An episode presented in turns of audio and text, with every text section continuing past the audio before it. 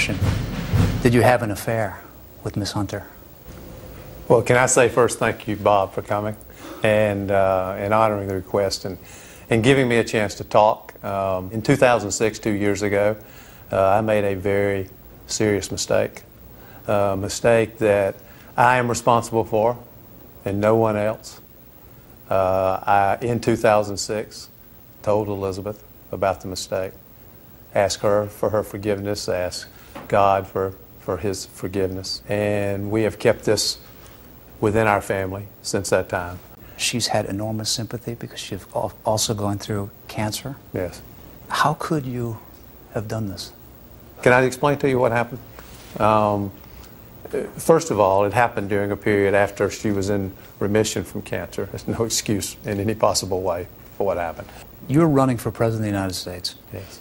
But at that time, you were living in a lie. You could have been the Democratic nominee. What were you thinking?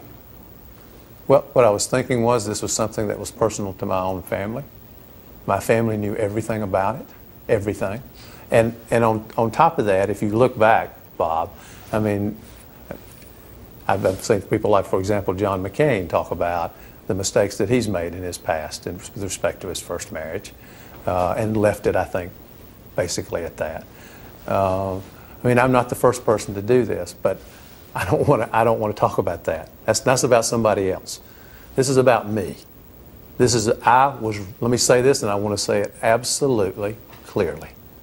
I was wrong, and I am responsible. Ja, je hoort hier John Edwards, de vicepresidentskandidaat namens de Democratische Partij in 2004 en zelf een presidentskandidaat in 2008. En wist toen bijna te winnen, maar moest helaas Barack Obama en Hillary Clinton voor zich scharen. Inmiddels leeft hij een teruggetrokken bestaan als advocaat in South Carolina. En daarmee is hij eigenlijk het voorbeeld van een politicus die aan de top van de Amerikaanse, zeker de democratische politiek stond, maar sowieso de hele brede politiek en een keiharde val heeft gemaakt. En zijn verhaal is niet alleen interessant, het is ook relevant voor de huidige zaak tegen Donald Trump. Ja, uh, wil je nou meer weten over John Edwards? Uh, uh, YouTube hem even. hij was ontzettend relevant, met name in 2004 toen hij door John Kerry werd gekozen, dus als running mate. en het opnam tegen George Bush en Dick Cheney. Die verkiezing werd verloren natuurlijk.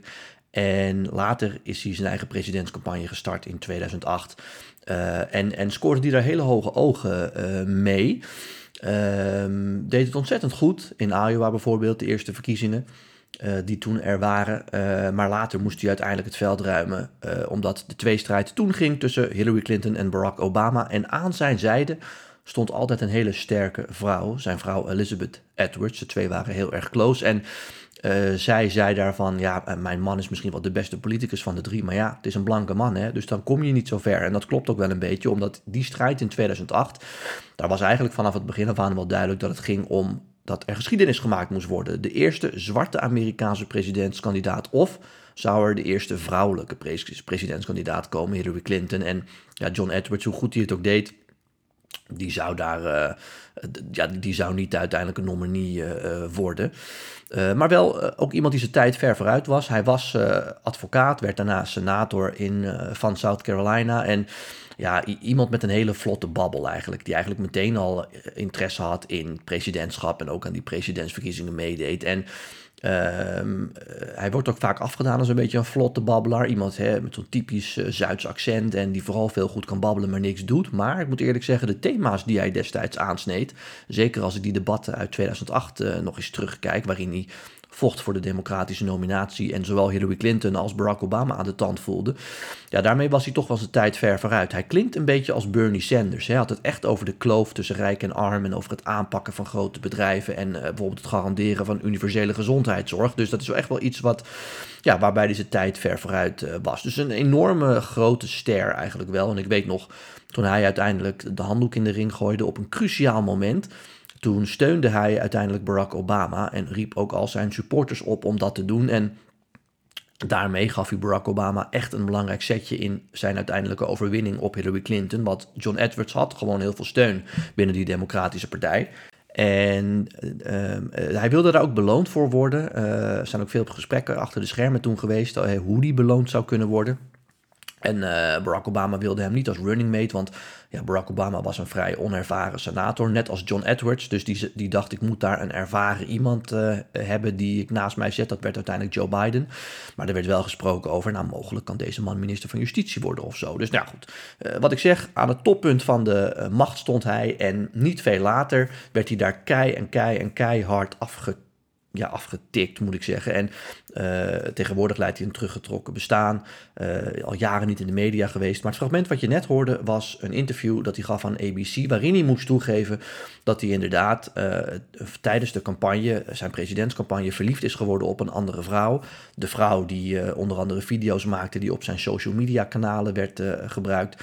En dat hij ook een kind bij haar had gekregen. Dat stond destijds ook al in een paar roddelbladen. Maar dat werd door hem stellig ontkend. Dat was absoluut niet het geval. Het was onzin. Maar uiteindelijk kon hij er niet omheen. En was dat echt het geval? Uh, en wat maakt het nou extra pijnlijk? De interviewer zegt het ook al. Uh, niet lang daarvoor uh, gaf hij samen met zijn vrouw een soort persconferentie, een persmomentje. waarin zijn vrouw, die borstkanker had gehad, bekend maakte dat ze opnieuw borstkanker had. En dat ze samen die strijd aan zouden gaan. Nogmaals, zijn vrouw was echt een belangrijke speler in zijn campagne. Steunde hem in alles, zoals een belangrijk adviseur.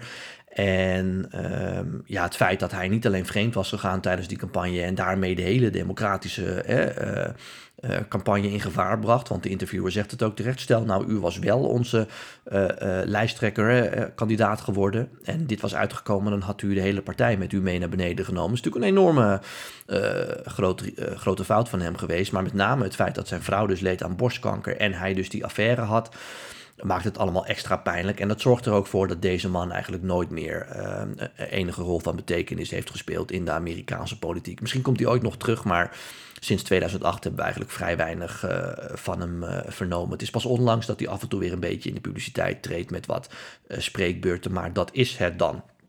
Waarom vertel ik dit verhaal nu? Nou, sowieso is het leuk om wat verhalen uit de oude doos te delen. Wil je hier trouwens meer over weten, lees dan het boek Game Change. Uh, beste boek wat ik ooit gelezen heb over de Amerikaanse politiek. Het leest, leest als een roddelboek. Uh, het is geschreven door John Heilman en Mark Halpern. En zij hebben echt uh, een aantal boeken geschreven over de Amerikaanse verkiezingen. Deze gaat over de verkiezingen in 2008, waarin ze met alle kandidaten en medewerkers achter de schermen spreken. Met de belofte dat ze die interviews alleen gebruiken na de verkiezingen. En na de verkiezingen schrijven ze dan een soort anekdotisch boek over wat er achter de schermen plaatsvond. En ze staan dus ook uitgebreid stil bij deze affaire. Game Change, volgens mij een boek uit 2008 of 2009. Ontzettend goed. Uh, ook verfilmd door HBO, want een belangrijk onderdeel is ook de selectie van John McCain met Sarah Palin als zijn running mate. En daar is dan weer een apart boek over gekomen. Nogmaals, Game Change. Maar goed, dat is dus interessant om even te bespreken. Maar waarom is het ook relevant? Omdat John Edwards zich later ook in de rechtbank bevond. En niet als advocaat, maar als verdachte. Omdat hij een aantal uh, bevriende uh, mensen met wat geld had gevraagd om ervoor te zorgen dat dit verhaal met die vrouw waar hij verliefd op was geworden en een kind mee had gekregen, dat dat geheim zou blijven. En zij hebben uh, eh, 900.000 dollar ongeveer betaald voor een huis en uh, allerlei benodigdheden voor haar, zodat zij daar kon wonen, zodat zij tevreden zou zijn, daar met haar kind kon wonen, rustig aan het moederschap kon wennen. En daarmee hebben ze er ook voor gezorgd dat dit geheim zou blijven. En, en wat is nu het grote probleem daarmee natuurlijk?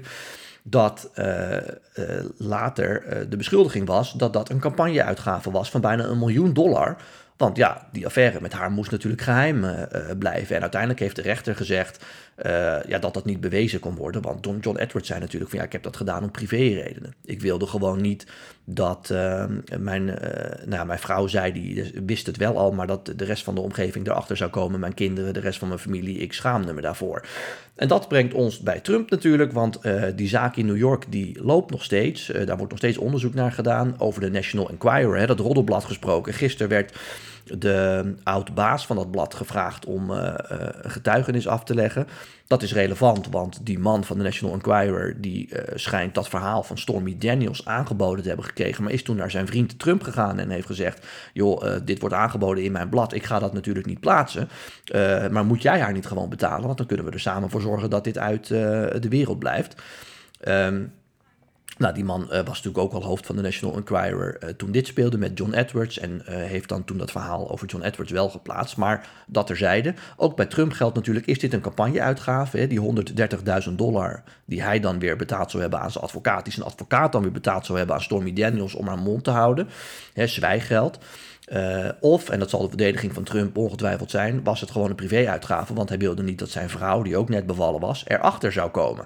Uh, als je afgaat op de zaak van John Edwards, die dus veel groter was, want het gaat over 900.000 dollar, uh, en ook nog eens om een kind ging, hè, dus al met al een veel grotere zaak, dan is hij daarvan niet, daarvoor niet veroordeeld. En dat roept dus erg de vraag, vraag op of Trump hiervoor wel veroordeeld kan worden. Dus los van het feit dat we niet weten of Trump gearresteerd gaat worden, ik zeg er altijd steeds bij Ehm, dat heeft niks te maken met het feit dat ze in New York heel langzaam werken. Trump heeft hun geprobeerd onder druk te zetten door die tweet eruit te doen, hè, of dat berichtje op zijn Truth Social. Ik word gearresteerd. Uh, ongetwijfeld heeft hij dat via via gehoord, dat dat onderzoek zich in de eindfase bevindt. Maar verder weet hij ook niet of hij wel of niet uh, gearresteerd gaat worden. Uh, en, en daarmee lijkt het nu alsof het OM in New York heel traag werkt. Maar Trump heeft ze gewoon proberen onder druk te zetten. Maar goed, ook al komt het tot een zaak, is dus maar, dat is mijn hele punt hiervan, zeer de vraag of Trump daarvoor veroordeeld kan worden. Want ja, als het puur gaat om die campaign finance laws, zoals dat dan heet, uh, zal Trump zeggen, ja, het heeft niks met mijn campagne te maken, ik wilde mijn familie beschermen. Zoals ook John Edwards in een veel grotere zaak ooit zei. En John Edwards kwam ermee weg, al is het verschil tussen beide heren natuurlijk wel, dat John Edwards ook uit de politiek verdween en uh, dit Trump niet lijkt te schaden, in tegendeel, want zijn poll numbers, hè, zijn stand in de peilingen, is alleen maar toegenomen. Goed, tot zover. Dan naar jullie vragen die jullie hebben ingestuurd, onder andere via Instagram, Twitter en LinkedIn. De eerste vraag, die komt van Lars. Nou, is eigenlijk zegt Lars geen vraag, maar gewoon even wil ik zeggen dat ik wel altijd uitkijk naar je volgende podcast. Nou, Lars, dat noteren we met vreugde. Uh, die vraagt, wat is de beste biografie die jij over een Amerikaanse president hebt gelezen? Nou ja, Sil, ik heb net al een boekentip gegeven, hè? Game Change. Dat is geen biografie, maar is een mooie... Uh, verslag van die verkiezingen in 2008, die heel bijzonder waren. Lees dat boek. Uh, en vind je dat nou een leuk boek, dan hebben die twee auteurs ook een boek geschreven over de verkiezingen van 2012. En dat heet, uh, dat heet Double Down. Dat is ook een goed boek. nou ja, en over een Amerikaanse president laat ik iets anders dan noemen. Een van de mooiste boeken over het leven van een Amerikaanse president die ik eigenlijk gelezen heb, is het boek van Barack Obama, Dromen van mijn vader, Dreams from my father. Dat heeft hij geschreven voordat hij president werd. En dat is een van de mooiste boeken die ik heb gelezen, gewoon over het leven van een uh, president. Dus dat, uh, dat boek kan ik echt wel aanraden. Uh, The Natural is een boek over Bill Clinton, wat heel erg leuk is om te lezen. en ook de biografie van Bill Clinton, My Life, is dikke pil, maar kan ik ook aanraden. Goed, tot zover. Dank weer voor al jullie vragen. Blijf die opsturen. Nogmaals, kan via Instagram, Twitter en LinkedIn. En dan beantwoord ik die weer gewoon in mijn volgende podcast. Tot zover. Tot dan.